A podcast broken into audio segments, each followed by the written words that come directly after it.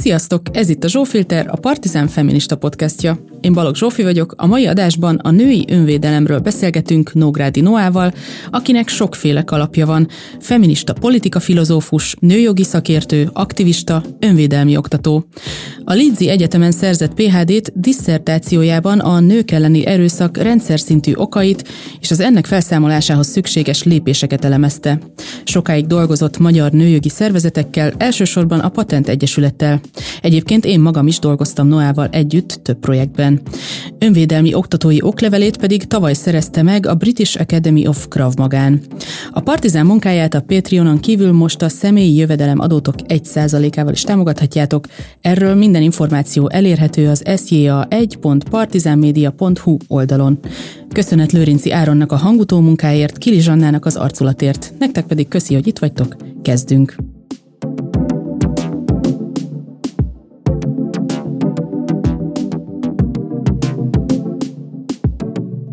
Szia Noá, üdv a stúdióban! Szia Zsófi, és sziasztok hallgatók! Ahogy így gondolkoztam erről a témáról, több minden eszembe jutott, de leginkább a testi élményeim azzal kapcsolatban, hogy mennyire vagyok fizikailag erős, hogyha ez mondjuk a környezetemben relevánsá válik. Uh-huh. És akkor eszembe jutottak ilyenek, hogy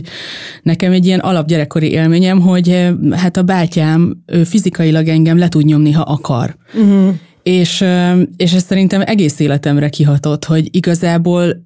when it comes down to it, tehát hogy amikor valami történik, és meg kell magam védeni, akkor, akkor limitált az a képességem. És hát nyilván ez adódik abból, hogy nő vagyok, meg a testalkatom, meg minden. Aztán később történtek is olyan ö, helyzetek felnőtt koromban is, amikor ö, súlyos támadások értek, és hogy ö, gondolkoztam azon, hogy én valójában hiszek-e az önvédelemben. Tehát mm. abban, hogy ezt, ezt érdemes nekem tanulni. Mm. Úgyhogy hát innen kezdeném, azt hiszem, hogy te erről mit gondolsz? Fú, köszi. Hát szerintem egyébként ez egy teljesen valid kérdés, meg talán az első kérdés, amit így mindenki feltesz magának, mielőtt egy ilyesmi belevágna. Uh, alapvetően, uh, hát nyilván, mint önvédelmi aktató azt tudom mondani, hogy persze, hogy érdemes, de hogy, de hogy tökre nem mindegy, hogy mit, meg hogyan, uh, meg hogy így mit vársz el magadtól, meg attól, hogy ez érted, mit tud csinálni. Szóval, hogy alapvetően azok a, azok a technikák, meg azok az ilyen iskolák, amikből én így összeválogatom azokat, amiket szeretek nőknek tanítani, azok abból indulnak ki, hogy a támadó az erősebb és nagyobb nálad, és hogy és hogy olyan technikákat alkalmazzál, mit tudom én most, hogy ilyen nagyon kézzelfogható dolgokkal menjek, ahol egy sokkal erősebb testterülettel mész, egy sokkal gyengébb testterület ellen, hogy mondjuk az egész felső testeddel egy új a visszahajlítása ellen, vagy, vagy mondjuk olyan területekre mész rá, amik, amik egy erősebb támadó esetében is ö, sérülékenyek, mint ilyen nyilván egyébként elsősorban a lágyéktáj, ö, tehát a tökörrugás az egy ilyen teljesen alap és nagyon fontos technika, ö, de hogy vannak még más ilyen tájékok, mint mondjuk a nyak, ami ö, meg annak bizonyos pontjai, ami akkor is, hogyha, vagy a szem, ami akkor is, hogyha az ember izmos, a szemben az nem tud izmos lenni, hanem, hanem ugyanolyan sérülékeny. Szóval alapvetően itt nagyon a technikán van a hangsúly, és azon, hogy mi az, amit te úgy, hogy diszproporcionálisan valószínűleg gyengébb vagy, és kisebb, mint az, aki rátámad, és ugye nők erőszak esetében ez a leggyakoribb helyzet, mit tudsz igazából csinálni, mit tudhatsz csinálni, és azon is van a hangsúly, így az ilyen általános küzdősport a kontrasztban, hogy így, hogy nem arról van szó, hogy így minél tovább a küzdelemben benn maradj, és akkor így kemény legyél, és akkor így bunyóztok, hanem hogy minél gyorsabban azt a technikát, amit nagyon-nagyon sok gyakorlással beépítettél, azt gyorsan végrehajtod, és eltűnsz abból a helyzetből, elszaladsz vagy bármilyen módon így megpróbálsz lelépni, vagy segítségért folyamodni így külső emberek bevonásával. Ugye a küzdősportokban is az van, hogy, hogy továbbra is elsősorban ugye férfi és női kategóriák vannak, szóval, hogy akkor is, hogyha valaki egy küzdősportot űz nőként, más nők ellen küzd, és nem pedig férfiakat és nőket raknak össze, és ennek oka van, és ez ez a biológiai különbség közöttünk, hogy valószínűbb, hogy egy férfi erősebb lesz, mint egy nő. Ami mond... Bocsánat, hogy közbevágok, csak pont ehhez kapcsolódóan én most megnéztem pár honlapot, amit úgy tényleg beírtam, hogy női önvédelem Budapest, talán nem is írtam, hogy Budapest, bocsánat, és akkor amit kidobott a Google, így rámentem ezekre a honlapokra, hát több dolog feltűnt. Az egyik az, hogy, hogy ami közös volt ezekben, hogy itt a, annak a kimondása, hogy nők elleni erőszak létezik, és hogy ez uh-huh. férfi erőszak,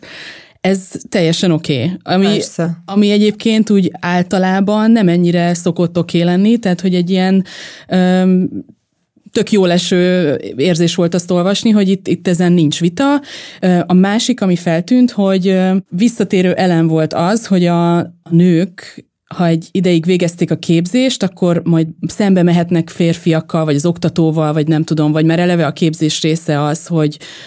hogy az oktatón gyakorolnak, uh-huh. egy férfi oktatón, és akkor volt erről egy videó, és ettől én így teljesen így zsigerileg így, így összerezzentem, hogy na, ha valamit így nem akarnék csinálni, uh-huh magammal, hiába mondjuk ez akár lehet hasznos is nekem majd egyszer, az, hogy mondjuk hetente így rám támadjon játékból egy ilyen hatalmas darab csávó, azt Igen. így biztos, hogy nem akarnám csinálni, és ez nagyon érdekelne, hogy az oktatásban szerinted ha a nők elleni erőszakot szem előtt tartjuk, azt, hogy sok nő traumatizáltan megy, vagy ezt szeretné elkerülni, hogy traumatizálódjon, mindenféle testi élményei vannak, stb., akkor mire érdemes odafigyelni, hogy ez egy tudatos és biztonságos képzés legyen? Mm. Fú, nagyon sok gondolatom van ezekről a kérdésekről. Egyébként így az első ponthoz, amit említettél, így gyorsan csak így rácsatlakozom, hogy ez nekem is elképesztően üdítő ebben a közegben, hogy itt nincs ilyen pisziskedés, meg köntörfalazás, meg nem tudom, hanem ők így tényleg a valóságból indulnak ki, és abból, hogy így kockázatelemzési szempontból, meg ilyen gyakori bűnelkövetési szempontból kik a valószínűsíthető támadók, azok férfiak, a férfiak esetében is férfiak egyébként, tehát a férfiakat is férfiakon gyakoroltatják, és a nők esetében is férfiak, és hogy így nem kell, nem kell ezen így húzavonázni. Um, és a másodikkal kapcsolatban, igen, uh, én, én nagyon sokféle edzésem voltam már, és van olyan, volt olyan edzés is, ahol, ahol konkrétan mondjuk én új voltam ott, és ők nem tudhatták, hogy nekem milyen hátterem van, vagy van-e hátterem, és akkor azzal kezdett, én, én voltam az egyetlen lány, és akkor azzal kezdett a, az oktató, hogy na, akkor most nem erőszak helyzeteket fogunk gyakorolni, és akkor azt, hogy lesz, és rámült. Uh. És most az egy dolog, hogy én végül hogy, hogy, hogy én személyesen hogy voltam ebben a helyzetben, de most így gondold el, hogy besétál egy random nő, és akkor egy ilyen ö, 120 kilós ilyen izmos arc, aki amúgy az oktató, tehát még hierarchiában is így fölötte van, ö, ebből a szempontból is, ö, az így rádül, és akkor mennyi kedved lesz visszamenni oda tanulni. Tehát, hogy ö, nagyon, nagyon ugyanaz jellemző szerintem sokszor az önvédelmi oktatásban. Persze amúgy vannak pozitív példák Magyarországon is, férfi oktatóra is, nő oktatóra is, de az általános az az, hogy ugyanúgy, mint a más szakemberek sem, ők ö, nem a képzésüknek a része a tudatosság ö, ezekkel a témákkal kapcsolatban. Tehát mondjuk így nem tanulnak a PTSD-ről, arról, hogy mi az, hogy trigger, hogy hogy néz ki az, amikor valaki mondjuk triggerelődik, az miért lehet, és hogy olyankor ő nem, nem tudom, nyuszi, vagy bénzsa, vagy túlérzékeny, hanem hogy, hogy hogy az egy, az egy természetes reakció valamire, ami egy borzasztó dolog, ami vele történt, vagy amit vele csináltak. Tehát ez nincs, így nem része a képzésüknek. Én azt tartanám ideálisnak, és amúgy azért is indítok, most elkezdtem kurzusokat indítani, és remélem, hogy, hogy majd fognak rájönni emberek, meg meg hogy, meg hogy ez, majd, ez majd így megtalálja a közönségét, mert azt láttam, miközben így nézelődtem körbe, hogy így mik vannak, hogy egy olyan felépítésre lenne szükség, ahol teljesen a nulláról kezdünk, és egy ilyen, egy ilyen megerősítő folyamat is benne van ebben az egészben,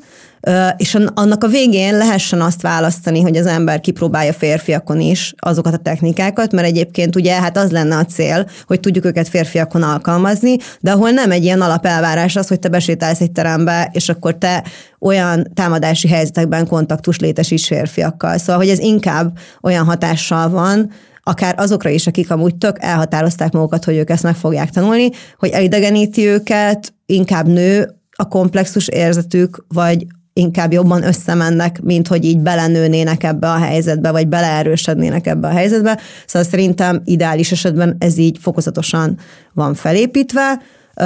és persze szerintem egy fontos része az is, hogy, hogy kipróbáld egy tényleg nagyobb termetű, meg erősebb emberen, hogy így érezd, hogy akkor mennyi erőt kell belevinni,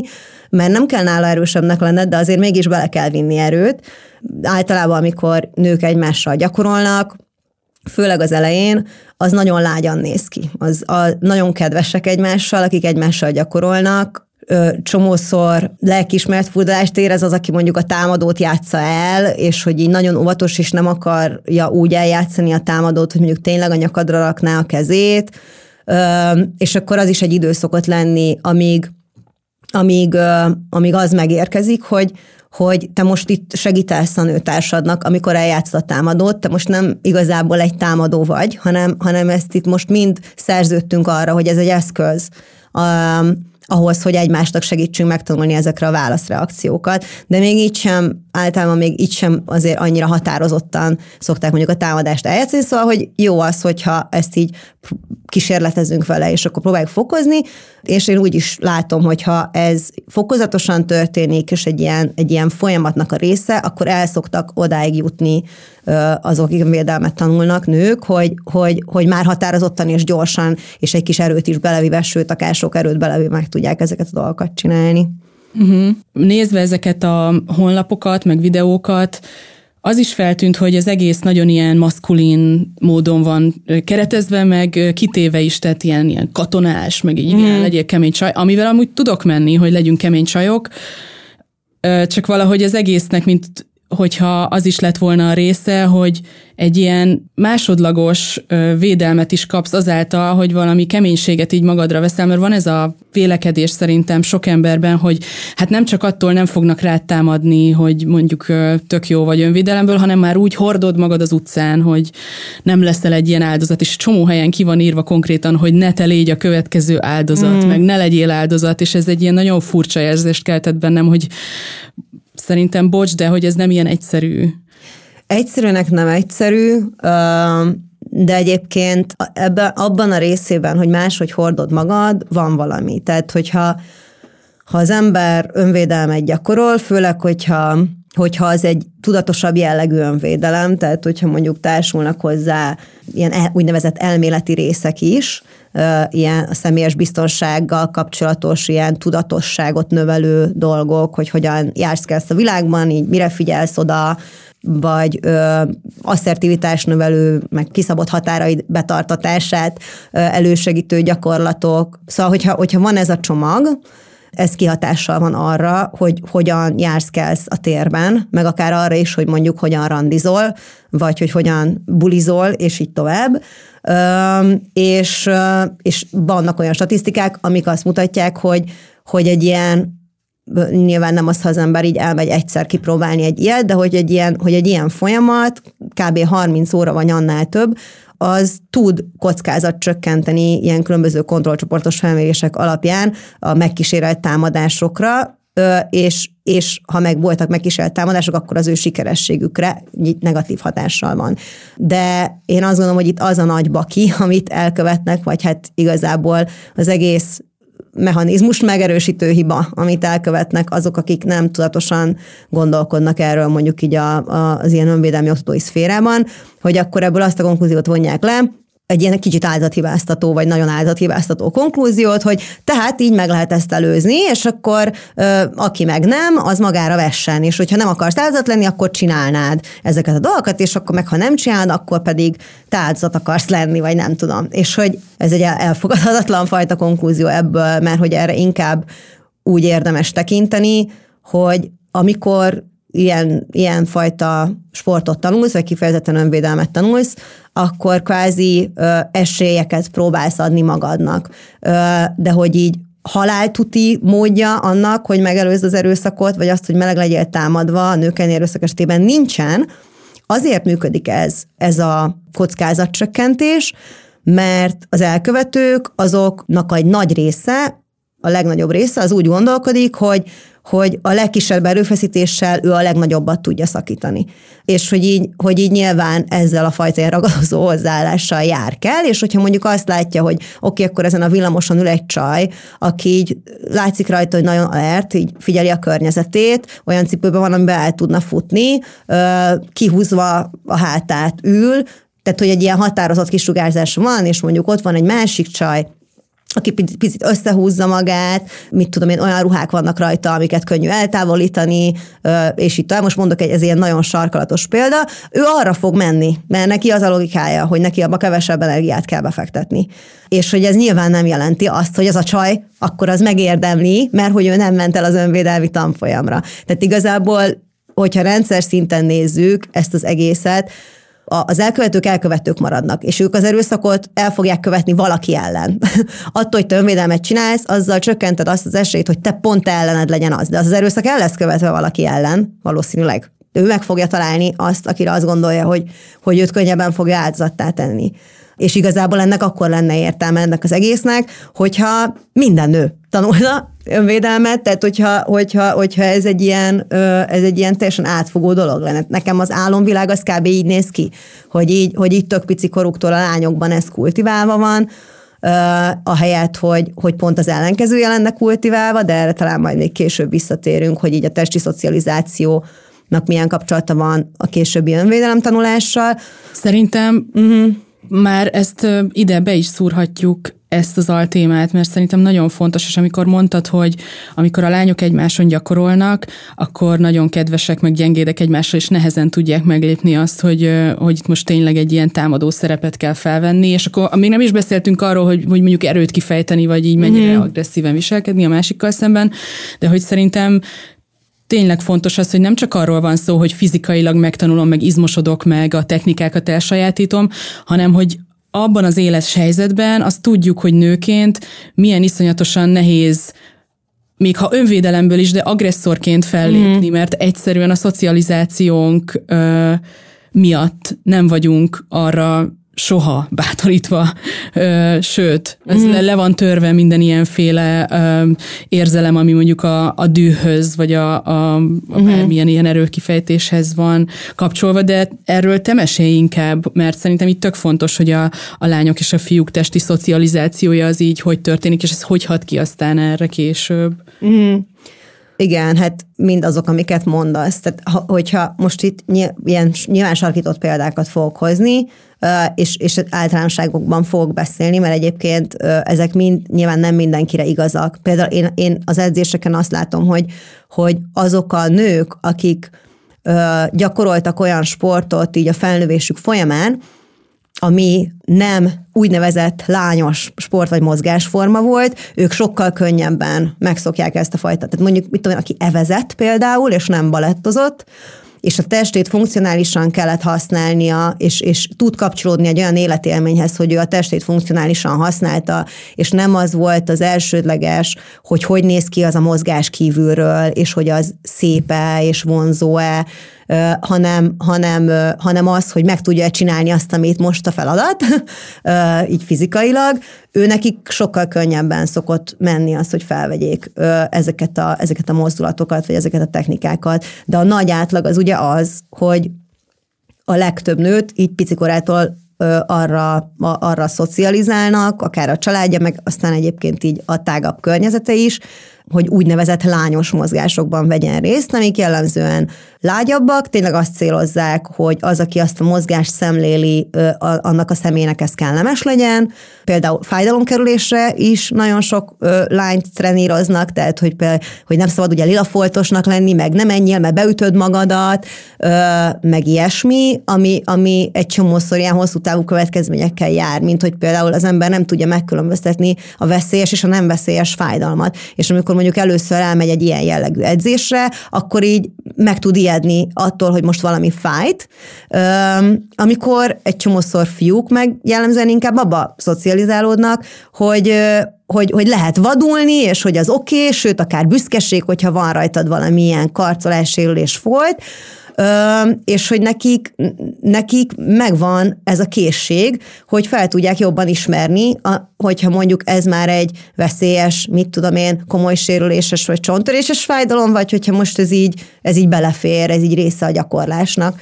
Szóval, hogy, hogy az a fajta ö, határozottabb, asszertívabb, és igen, az ilyen technikák esetében kifejezetten agresszívabb mozdulatok, amikre szükség van, arra nagyon sok nőnek így nincs nincs háttere, nincs, nincs testi emléke róla, hogy ezt hogyan lehetne csinálni, és, és sokszor onnan kell indítani, hogy ezt a mozgás jelleget, ezt, ezt így megtanuljuk, vagy hogy ezt így jobban internalizálni tudja az ember. És a fiúknál meg hát ők előnyből indulnak abban az értelemben, hogy így hogy ez kifejezetten sokszor bátorítva van, csomószor olyan filmeket néznek, vagy nézetnek velük, hogy így nekik nem furcsa az, hogy ha megkérdezni egy random férfit az utcán, hogy hogy szorítod ökölbe a kezedet, akkor meg tudná neked mutatni valószínűleg. A legtöbb nő pedig nem feltétlenül tudja megmutatni, hogy az hogy néz pontosan ki, mondjuk berakja a hüvelykúját az öklén belülre, vagy előre rakja a sérülés veszély. Szóval, hogy, így, hogy, ez, hogy ez nem része így a mi felnövésünknek jellemzően, és, és ennek amúgy az egyel ilyen mélyebb aspektusa sem része. Tehát mondjuk, mert ugye az önvédelem, szerintem ez azért is egy ilyen ö, erős téma, mert valahol így tökre a mélyére megy ennek az egész nők és férfiak közötti hatalmi különbségeknek, meg hierarchiáknak, mert hogyha most egy kicsit tágabb értelemben nézzük, az önvédelmet abba teljesen beletartozik a nem ilyen egyértelműen erőszakos helyzetekben való határszabás, meg határtartatás másokkal, meg nem alámenése másoknak. És hogy egy csomószor mondjuk ö, fiúkat úgy nevelnek, hogy álljál ki magadért, hogyha, hogyha valaki ö, megsértett, vagy, ö, vagy, vagy, vagy úgy érzed, hogy nem adja meg a neked járó respektet, becsület. akkor a becsület, akkor, akkor, állj, akkor, akkor állj ki ellene, vagy akkor azt így asszertáld. A lányokat meg ellenkezőleg, még hogyha mondjuk, mit tudom én, konkrét támadás is éri, meghúzzák a haját mondjuk, akkor azon ugye mondva, hogy biztos tetszel neki, akkor ö, legyél vele kedvesebb, mert hát csak udvarolni szeretne. Tehát menj alá annak, aki bánt téged, és most megint mondom, hogy ezek nyilván ilyen nagyon sarkalatos példák, de, hogy, de hogyha így, így nagy átlagban nézzük, akkor ezek nagyon igazak, és egy csomó olyan gyakorlat van, amit mondjuk én szoktam workshopokba, meg, meg, meg tanfolyamba integrálni, amik például erre mennek rá, és ott is ezt baromira lehet látni. Szóval például mondjuk a nemetmondáshoz való viszonya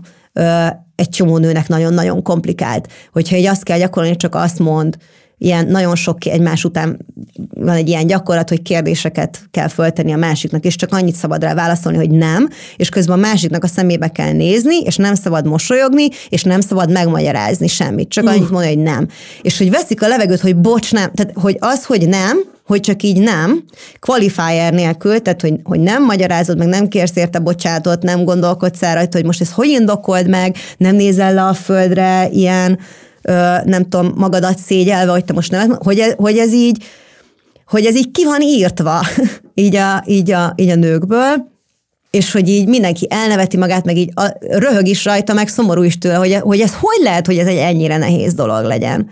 És hát azért, mert hogy, mert hogy úgy növünk föl, hogy, hogy, hogy lelkismert furdalásunk legyen attól, hogyha valakinek így a, a kívánalmait, vagy az igényeit nem priorizáljuk ö, a fölött, hogy mondjuk nekünk mi okoz kényelmetlenséget, vagy hogy nekünk mi az, ami még oké, okay, vagy mi az, ami nem. Fú, igen. Már ahogy csak leírtad ezt a szituációs játékot, én is így éreztem magamban, hogy Jézusom. Azért elég asszertívnak tartom most már magam, de még mindig nagyon nehéz ezt magaménak érezni. És szerintem az is van, hogy, és rátérhetünk itt a további természetes testi reakciókra, hogy mi történik egy krízis helyzetben,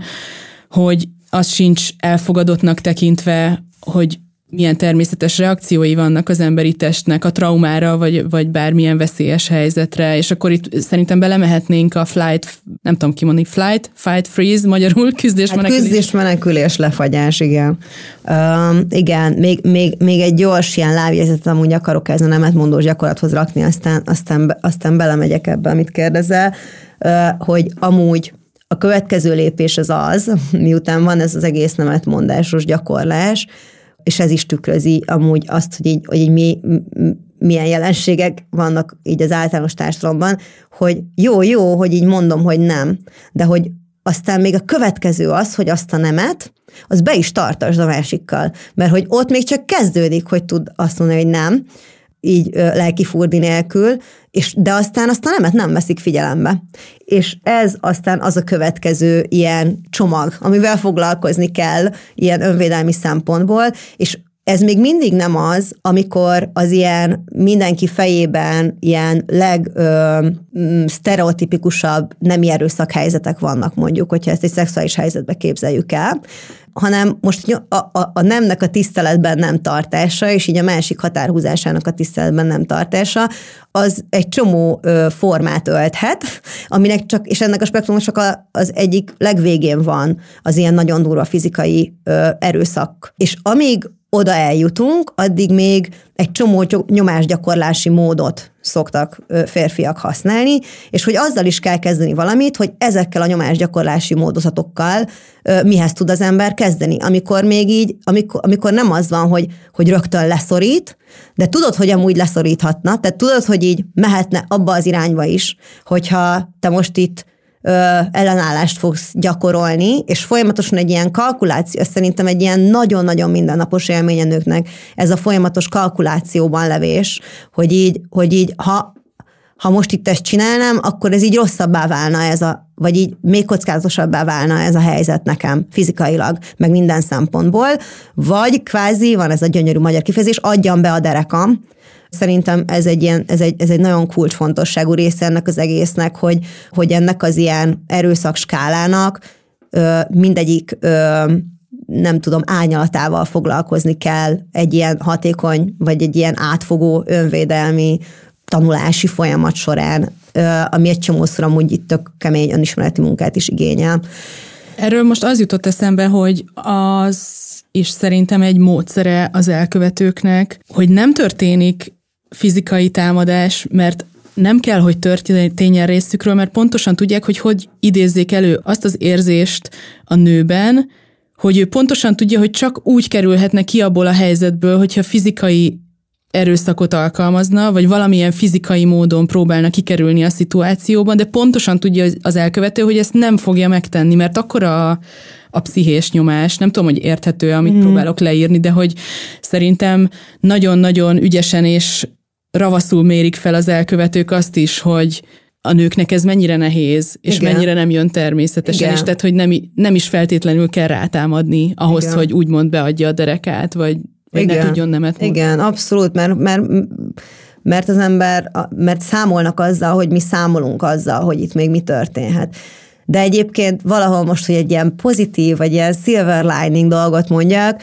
ez annyiban előnyünkre tud válni, hogy ha mégis csinálunk valamit, vagy ha mégis ezt asszertáljuk, az nagyon meglepő szokott lenni. Szóval, hogy, hogy a, a, és az a meglepődés, az pont elég ilyen kis időnyerés tud lenni ahhoz, hogy kiszállj abból a helyzetből valahogy kimenekülj azon az ajtón, vagy abból a, vagy abból a bárból, vagy, vagy abból a házi buliból, vagy és így tovább. Szóval, hogy, hogy mivel annyira nem számítanak arra, hogy nekik most nem fog sikerülni ezt az ő akaratukat keresztül nyomni, mert hogy ők pont azokat a, a, az ilyen fenyegető jelzéseket így le tudják adni, amik még nem fizikailag erőszakos, nem tekinthetőek annak, vagy tekinthetőek annak, hogy, hogy amúgy tökre meglepődnek amiket én szoktam tartani, ott amúgy ö, kiabálást is szoktunk gyakorolni, vagyis hát egyenesen üvöltést, mert például az is egy olyan dolog, amire ö, ezek, a, ö, ezek a támadók nem számítanak, hogy arra, arra esetleg számítanak, hogy mondjuk sikoltani fog egy nő, ami egy ilyen nagyon ilyen ö, egy ilyen kiszolgáltatott hangkiadás, ami ugye nem artikulált, de hogy például mi szoktunk gyakorolni ö, parancsüvöltést, ö,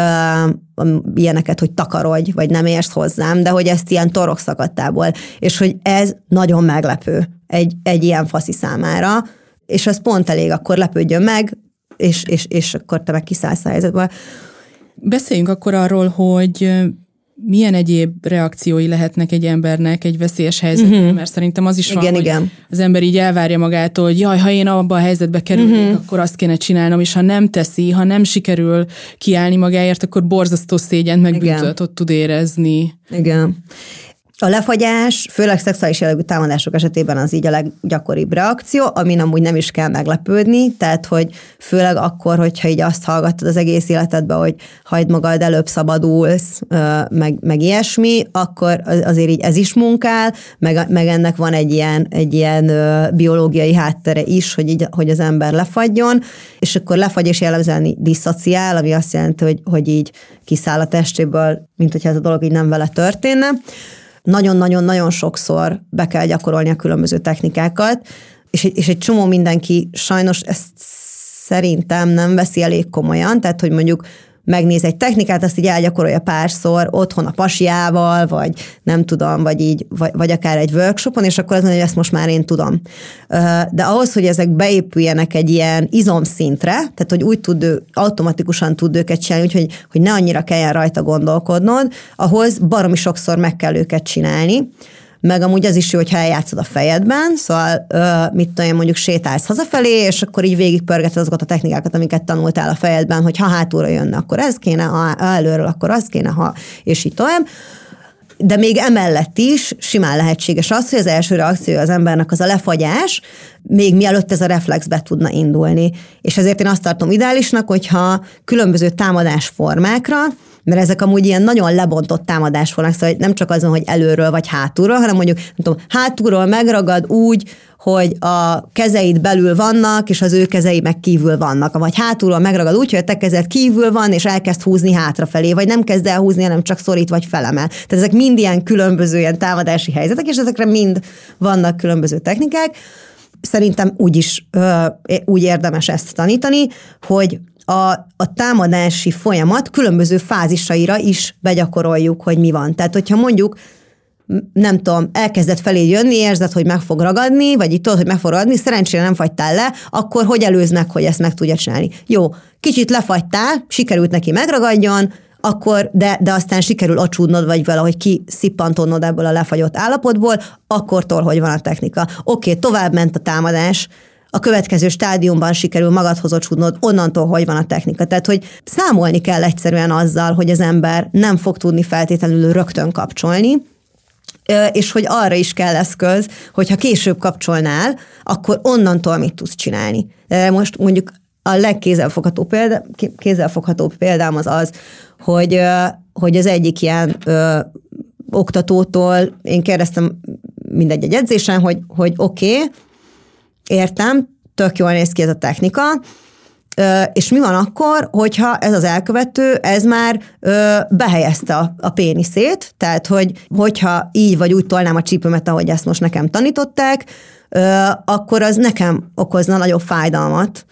vagy, vagy még nagyobb fájdalmat valószínűleg, és a csávó teljesen lefagyott, mert hogy ő még sose gondolt abba bele, hogy ez odáig is elmehet, és hogy az olyankor egy nőnek ö, így hogyan, ö, milyen, milyen belső érzeteket okoz, és akkor utána ott elkezdtünk workshopolni ezzel az oktatóval azon, hogy jó, akkor most képzeljük el azt, hogy mi van akkor, hogyha ez már bent van. Ö, aztán szerintem az is tök fontos, hogy ö,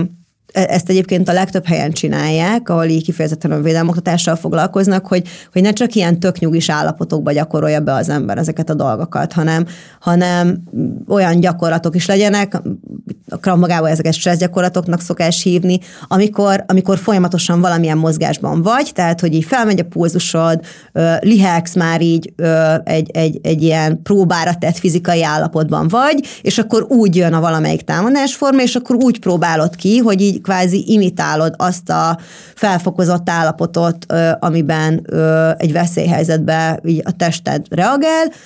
és akkor megpróbálod úgy is megcsinálni azokat a technikákat, vagy azokat a gyakorlatokat. Szóval, hogy, hogy erre így lehet valamennyire tréningezni ezeken a módokon. Igen, és még ami, az is szerintem tök fontos ezekkel a flight fight freeze-es dolgokkal, hogy egy csomószor amúgy az ember ugrál közöttük, tehát hogy így, hogy így nem is csak azon, hogy akkor így az az egy reakció, akkor neked mindig az a reakciód, és végig az a reakciód. Hanem van ez, meg van az, és akkor néha ez kapcsol be, néha az kapcsol be. Szerintem egyébként így ö, alaphelyzet az valószínűleg az, hogy freeze, az van először, hogy lefagysz, aztán ha be tud kapcsolni, akkor van a fight, és ugye a cél az, hogy minél hamarabb flight legyen. Tehát, hogy Ez is nagyon fontos szerintem, és már az elején is felfigyeltem, amikor mondtad, hogy nem az a cél, hogy itt most hatalmas fájtba legyek és lenyomjam a másikat, mm. hanem hogy el tudjak húzni biztonságba, mm. mert szerintem ez sincs nagyon. Nekem például a fejemben nem volt benne, amikor egy, egy ilyen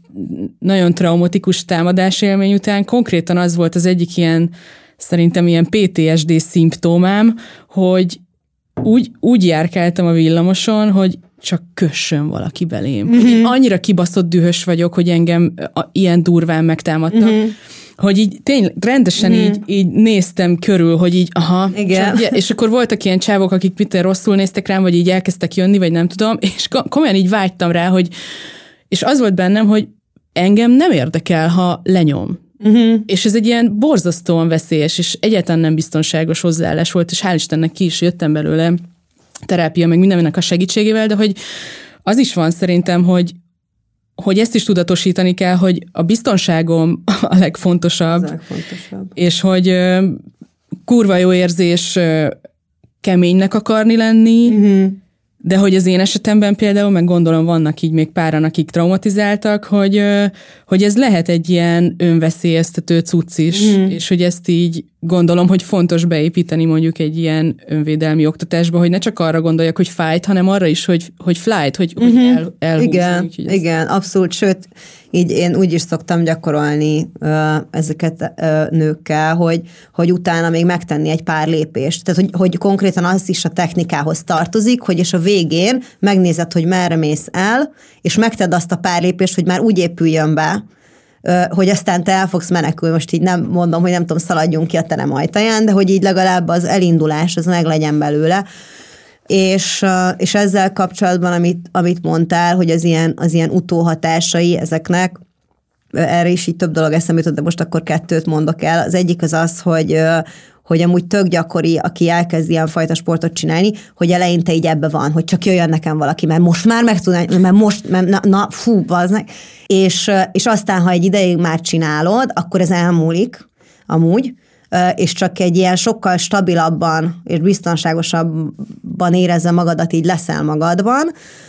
De például mondjuk nekem így én sokkal inkább beavatkozom mondjuk helyzetekbe, amiket, amik, amik nem felém irányulnak, hanem amiket én látok, azért, mert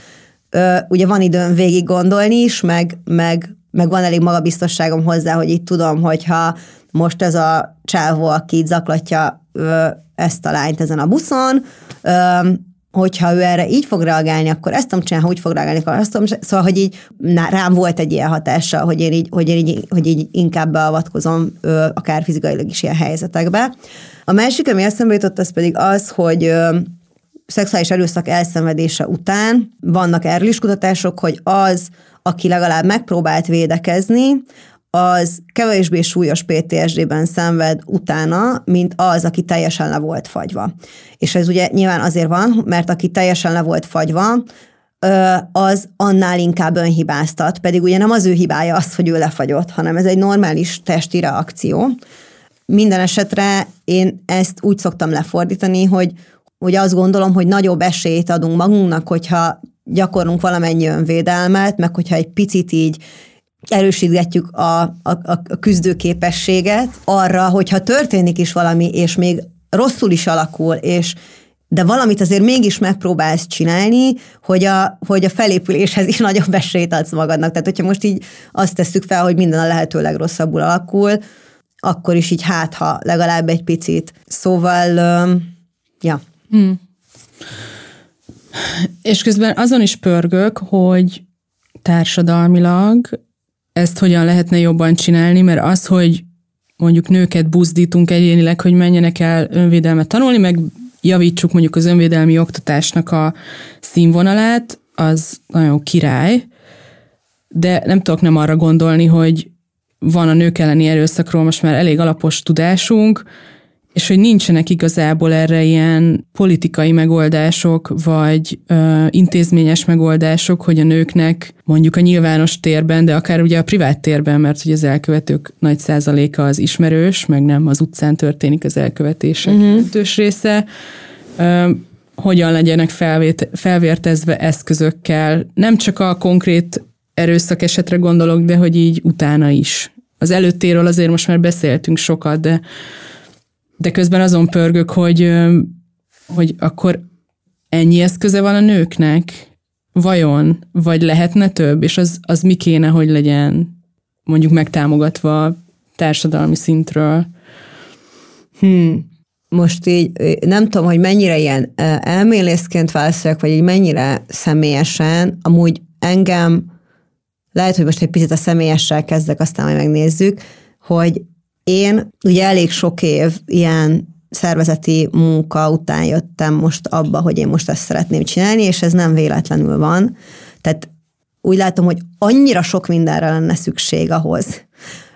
intézményes szinten, társadalmi szinten, egy, nagyon-nagyon széles körben, hogy megelőzzük ezt az erőszakot, és hogy hatékonyan kezeljük, és annyira azt látom, hogy ez nem történik, ehhez annyira sok minden kéne, és egy teljes szélmalomharcnak érződik ez az egész, hogy így abban vagyok, hogy így, hogy így akkor a nők. Tehát, hogy akkor, akkor egy, egy, egy, egy ennyire igazságtalan struktúrában, és egy ennyire szar intézményrendszerben, így, így én, én most egy picit így félre raktam azt, hogy, hogy akkor most próbáljunk ezzel a monstrummal valamit kezdeni, amit így patriarhátusnak szokás hívni, így, így ezen, a, ezen a szinten, és akkor menjünk így teljesen a grassroots szintre, és, a, és, és maguk a nők, és hogy így persze tök jó megírni egy csomó policy anyagot arról, hogy hogyan kéne a rendőrségnek, meg a, meg a különböző szociális intézményeknek ö, működnie, meg, meg, meg dílelnie a, a nők elleni erőszak témájával, nem történik,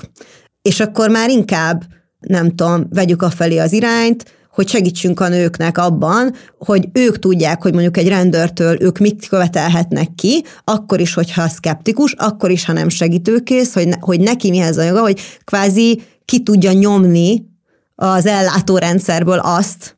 ami, ami őt amúgy illetné.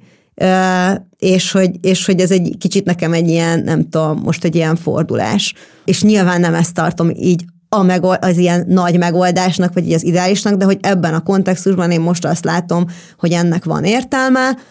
ne baromira kiégtem abba, hogy így, uh-huh. hogy, hogy akkor most ú, most akkor attól, hogy most a nem tudom, hanyadik ilyen szakmai véleményezést megírja az ember, meg meg, meg megtart egy, egy képzést egy maréknyi szakembernek, attól most ez, ez a monstrum, ez így nem, uh-huh. nem változik meg.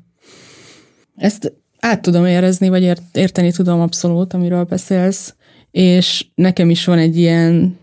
élményem azzal kapcsolatban, hogy a nőszervezeti munkában mindenféle módokon már részt vettem, de igazából a legnagyobb sikerélményem az akkor van, amikor egy darab nőnek tudtam telefonon mondjuk segí- egy segítő mm. beszélgetésben segíteni, vagy el tudtam kísérni egy, nem tudom, abortusz konzultáció időpontra. Mm. És tehát, hogy most nem akarok itt a, nem tudom, milyen rendszer kritikus mozgalmaknak a, a szelleme ellen ö, szólni, de hogy azért egyéni szinten ez tényleg egy ilyen ö, fluktuáló dolog, hogy az ember mennyire tartja ért, értelmesnek vagy érdemlegesnek azt, hogy belerakja a lelkét Igen. ebbe és vagy abba a típusú munkába. De egyébként én, én még csak nem is gondolom azt, hogy ez a rendszerkritikus gondolkodásra a kontrasztban lenne, hanem ez szerintem csak egy másik megközelítés hozzá. Ami így azt mondja, hogy ezek a dolgok nem fentről lefele fognak történni, itt most nem nem egy olyan kontextusban vagyunk, ahol, hogyha ha csak jobban beszélnénk az intézményekkel, ha csak ügyesebben advokálnánk, ha csak izé, akkor ez megváltozik. Ez nem fentről lefele fog történni ezek a változások, hanem ezek lentről fölfele, és lent az emberek vannak, és hogy így, mit tudom én, én azt gondolom, hogy az nem csak azt az egy individumot érinti, hogyha, hogyha te segítettél valakinek, a vonalon, vagy elkísértél valakit, vagy, vagy, vagy, vagy ha hozzám jár valaki, vagy én tartottam valami workshopot, azok a nők egymással beszélnek, beszélnek a barátnőikkel, a barátnőik beszélnek még más barátnőkkel, és hogy ez egy ilyen nagyon pici elemekből álló, de hálózatosodás, vagy hálózatszerűségé tud válni, hogyha, hogyha egyéneket így, így célzunk meg. Szóval, hogy, hogy én gondolom azt, hogy ebben van tágabb haszon, vagy, vagy hogy ez nem csak annak az egy nőnek ö, számít. Igen, és amikor arra gondolok, hogy milyen feminista történetekre, vagy, vagy fordulópontokra vagyunk büszkék a világban, mondjuk nem tudom, amikor az izlandi nők mm. sztrájkoltak, vagy amikor ez vagy az történt, így visszatekintve, akkor mindig arra gondolok a mostani feminista tudásom, hogy jó, de mi kellett ahhoz, hogy ezek a nők kiálljanak magukért tömegesen. Mm itt tudok kapcsolódni ahhoz, hogy hol van értelme egyes nőknek, vagy kis csoportoknak mondjuk megtartani egy önvédelmi képzést, és most, hogy körbejártuk azt is, hogy az önvédelem az mit jelenthet még azon túl, hogy egy krízis uh-huh. helyzetben hogy reagálok, vagy egy erőszak helyzetben, hogyha mondjuk sikerülne ezeknek a nőknek, és aztán a következő generációknak normalizálni azt, hogy nemet mondani oké, okay, uh-huh. az már egy olyan radikális lépés. Igen, abszolút. Meg. Igen, és gondolj, akár, akár arra is lehet gondolni, hogyha ilyen történelmi példákat akarunk hozni, hogy vannak ezek a híres consciousness raising, vagy awareness raising circle amik ilyen, ilyen nem tudom, magyarul minek szokták folytani, tudatosságnövelő körök, vagy nem tudom, amiknek így nagy divatja volt Amerikában, meg Angliában, aminek Magyarországon nincsen hagyománya, de hogy ezek igazából arról szóltak, hogy nők csoportokban összejönnek, és az egyéni problémáikról és nehézségeikről egymással beszélgetnek, felismerik a sorsközösségiket, azt, hogy várjál, várjál, akkor ez itt valami rendszer szintű dolog lehet, hogyha ö, velem is ez történt, meg így vele is ez történik, és mindannyiunkkal ez történik, és ezek abszolút beindítottak ö, nagyobb változásokat. Ilyen csoportokból nőttek ki mondjuk az első menedékházak ö, több országban is. Hogy, hogy ennek igenis, hogy van ö, politikai ereje, vagy nem is tudom, társadalomformáló potenciája, de hogy nyilván akkor, hogyha ez, hogyha ez így van csinálva. Tehát, hogyha ez tudatosan és a nők elleni erőszakról való tudás, rendszer, rendszer szintű tudással felszerelkezve, vagy legalábbis traumatudatosan, és a megerősítést célozva és így tovább. És szerinted miért van az, hogy a férfi erőszakot nem lehet megnevezni? Konkrétan ezt a szót, ha kimondod bárhol, még a partizánon is, akkor, akkor az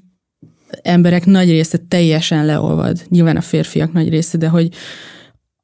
az, hogy például az önvédelmi körökben ez teljesen nyilvánvaló, meg az, hogy ez a nők számára is teljesen nyilvánvaló, egyébként a férfiak számára is teljesen nyilvánvaló, hogyha megkérdezik őket személyesen, hogy mondjuk hova engednék el a nőrokonaikat, vagy szóval ezek a tipikus példák. Tehát, hogy ez egy közös tudás, mégsem lehet megnevezni, én azt tapasztalom, vagy ilyen nagyon-nagyon körülményeskedően, meg hat bocsánat kéréssel, meg disclaimerrel, hogy not all men, meg nem tudom. Uh-huh. Miközben, tehát rengeteget beszélünk arról, hogy nők elleni erőszak, tehát az áldozatokról, a nők sérülékenységéről lehet beszélni,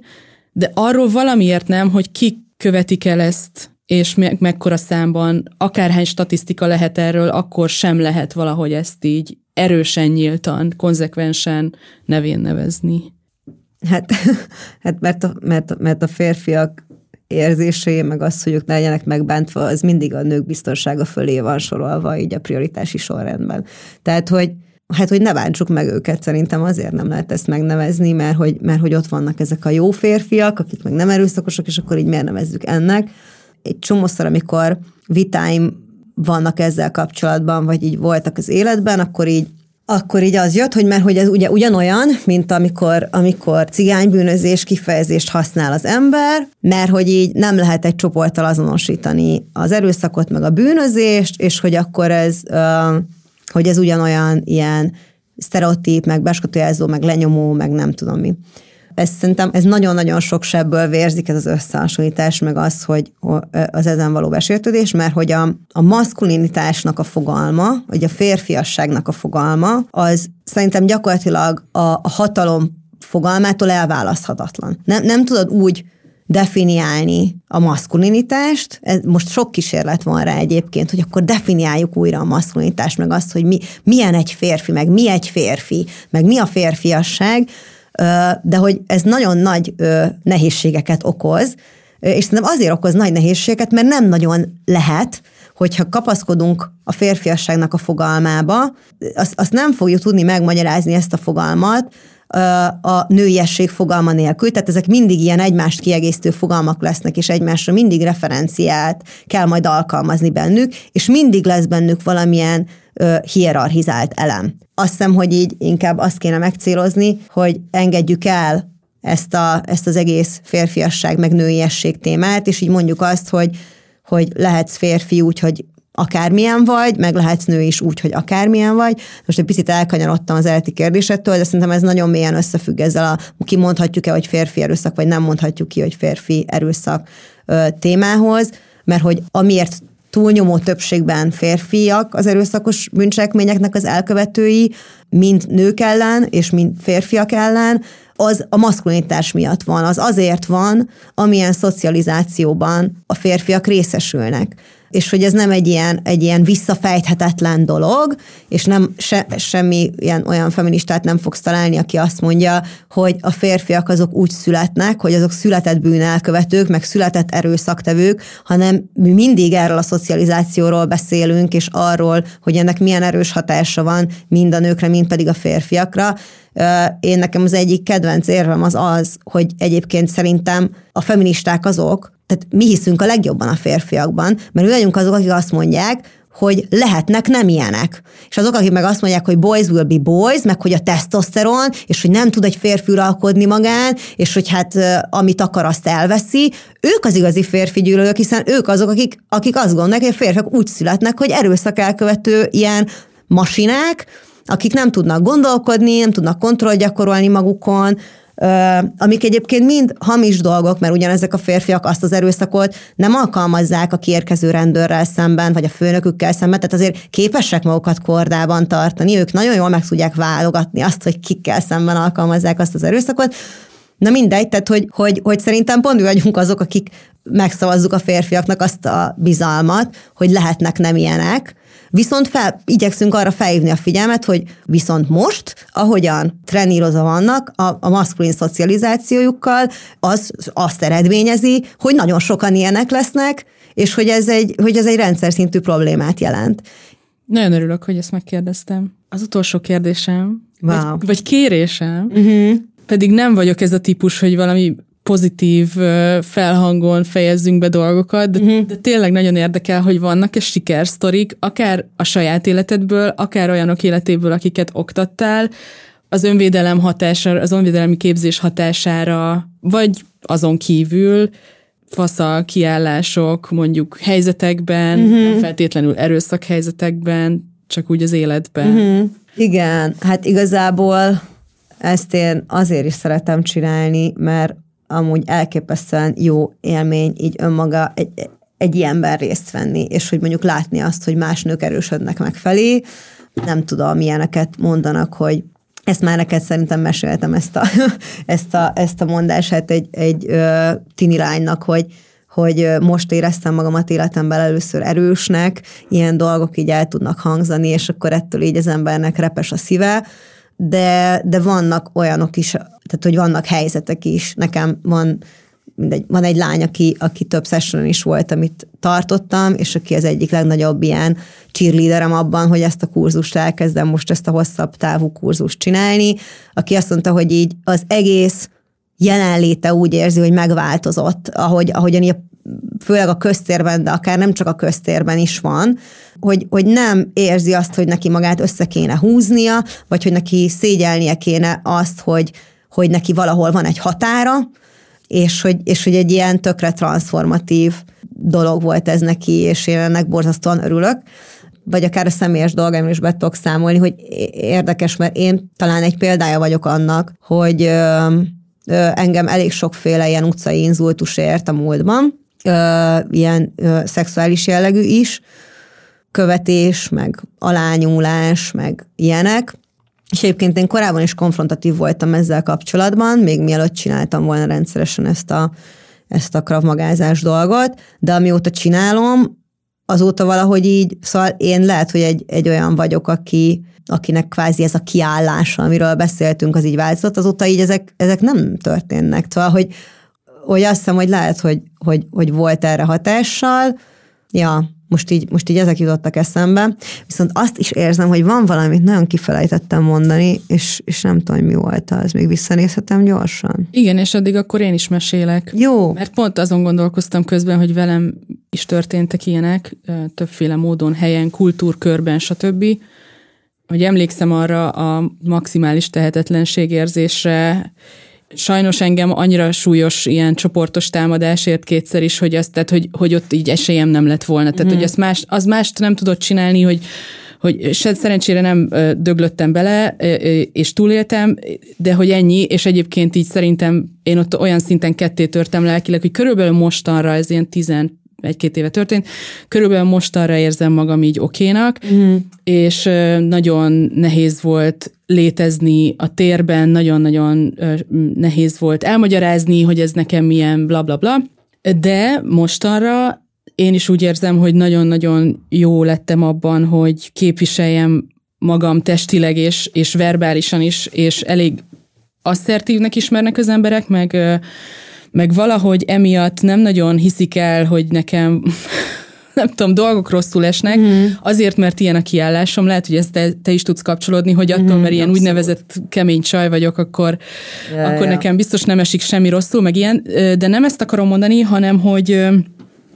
az biztos, hogy van, és nyilván a kinézetemnek a formálása is egyrészt mellékhatása, egyrészt folyamánya ennek, meg szabad döntés is, de hogy azt érzem, hogy nem belém fognak belém kötni mm-hmm. nagy valószínűséggel, vagy hogyha igen, tehát nagyon-nagyon hamar észreveszem, és nagyon jó radarom van a térben mm-hmm. a környezetemre, ami nyilván egy ilyen, egy ilyen túlélési válasz is, vagy egy ilyen traumás reakció is szerintem, de nagyon hasznos. Mm. Meg az előadói múltamból is jön, mert én azt ritkán szokták gondolni, a, akit néznek a közönség énekesnőt a színpadon, hogy az énekesnő ugyanúgy nézi őket, miközben mm-hmm. énekel, és ilyen nagyon-nagyon fine-tuned az érzékenységem a, a legtávolabbi sarokban ülő, mm-hmm. hogy ő hogy néz engem. És mivel férfiak ugye mhm. előszeretettel néznek mindenféle szexualizáló módokon, nagyon-nagyon ki vagyok hegyezve erre is. Mm. Tehát, hogy a barátnőimnek fogalma sincs arról, hogy én miről beszélek, hogy így ki, ki szemelek valami csáot, hogy figyú, az, egy, az ott valami gáz van. Mm. És, és sokszor egyébként nehéz ebben a magabiztonságomban megmaradnom, mert sokan nem hiszik el ezeket, vagy nem tudják validálni, mert egyszerűen nem élték át, tehát nem tudom őket hibáztatni, meg mm. hál' Istennek, hogy nem élték át. Szerintem, ha az ember rátalált egyszer erre a fajta magabiztosságra, kiállásra, asszertivitásra, az nagyon jó, és meg kell, hogy egymást erősítsük ebben, és magunkat is, és én is ezt így gyakorlom, hogy ezt megtartsam. Ez nagyon szupi, ez szuper menő. Közben sikerült felidéznem, hogy mi az a két dolog, amit, amit még így nagyon szerettem volna felvetni, és az egyik az szerintem kapcsolódik is ehhez, meg egy kicsit ahhoz, amit az elején beszéltünk, hogy hogyan más fiúként, és hogyan más lányként, vagy hogyan más férfiként, és hogyan más nőként ilyen sportot csinálni, és hogy ez az, hogy, hogy milyen a testünkkel való viszonyunk. És hogy amit, amit említettél az előbb, hogy, hogy tökre tudatában vagy, hogy nézve vagy, és hogy van ez a van ez az úgynevezett internalizált férfi tekintet, vagy belső vétett férfi tekintet, amit a feministák szoktak, szoktunk ö, emlegetni, de hogy ez például egy csomószor mondjuk az önvédelem gyakorlásában egy ilyen érdekes akadály, hogy nők, akik ahhoz vannak hozzászokva, hogy ő, nekik így szépen, kecsesen, nőiesen, lágyan, stb. szépen kéne mozogniuk, teljesen testidegennek érzik ezeket az ilyen drabális mozdulatokat, meg azt, hogy be kell rogyasztanod a térdedet, meg hogy így a... Széttett láb. Igen, és hogy, és hogy te tök testidegen,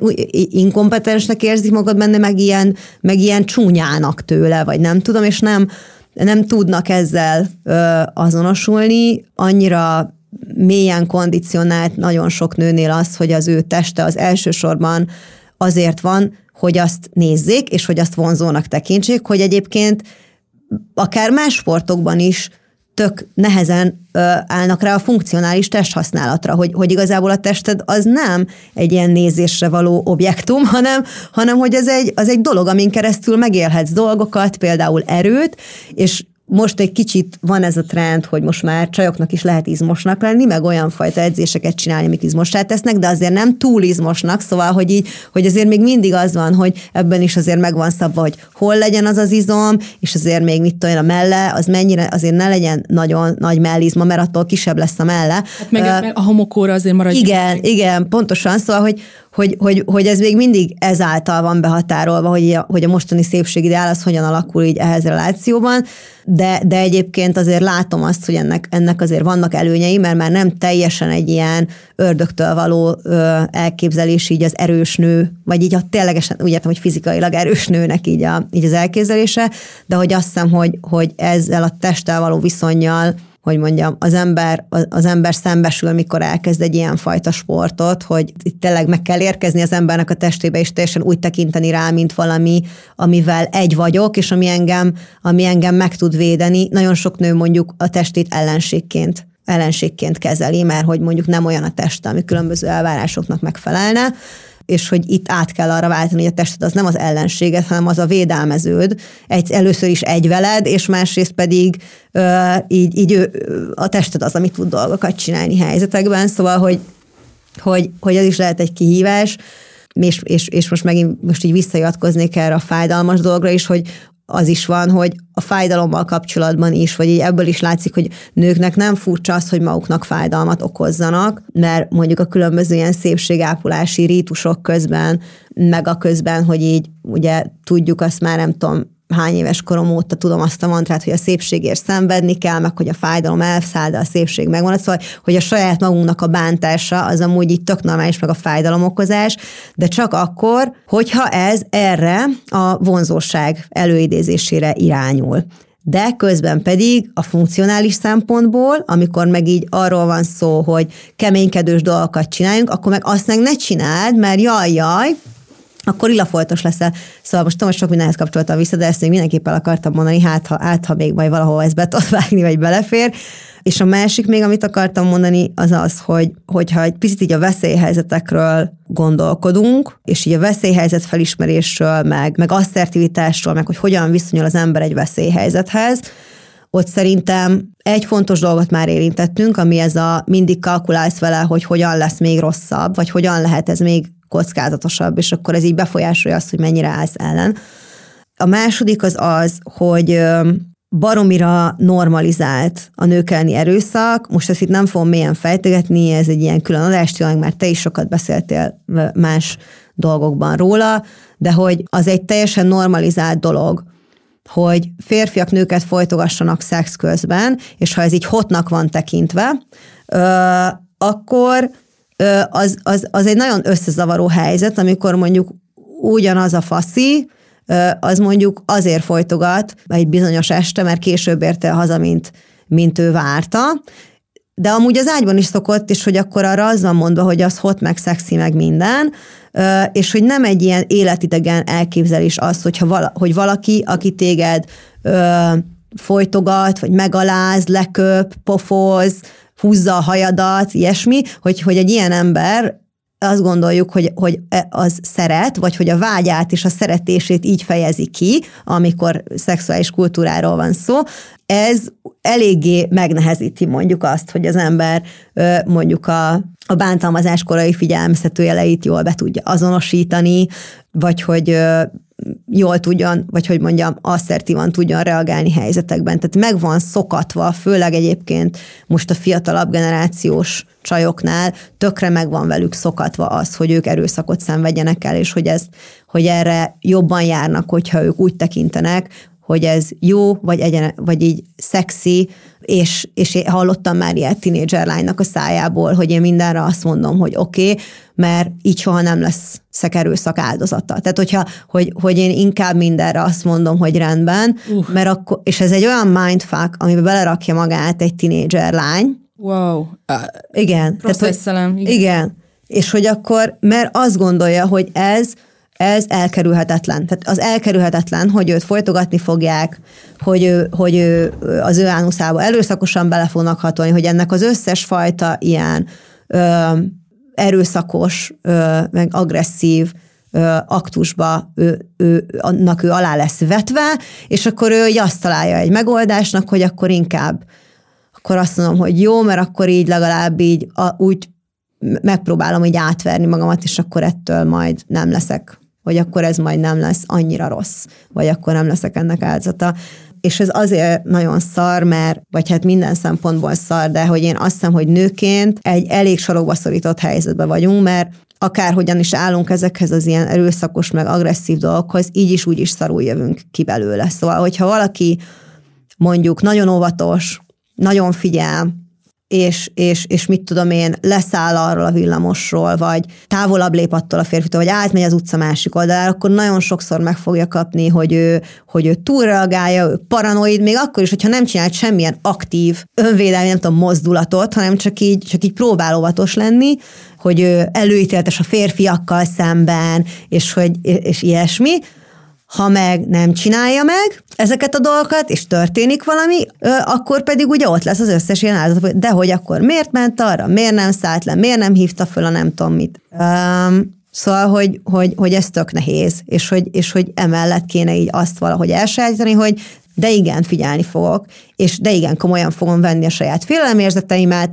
és testi jelzéseimet. Meg a másét is. Meg a másét is, pontosan, és, és, és de igen, azt a határt én asszertálni fogom, és akkor, tehát hogy nem, hogy így, hogy így nem engedni ebből. És ez tök nehéz, de tök szuper érzés, amikor történik. Nagyon köszönöm, Noá, hogy itt voltál. Nagyon szívi, én is örülök, hogy itt voltam, és, és, és,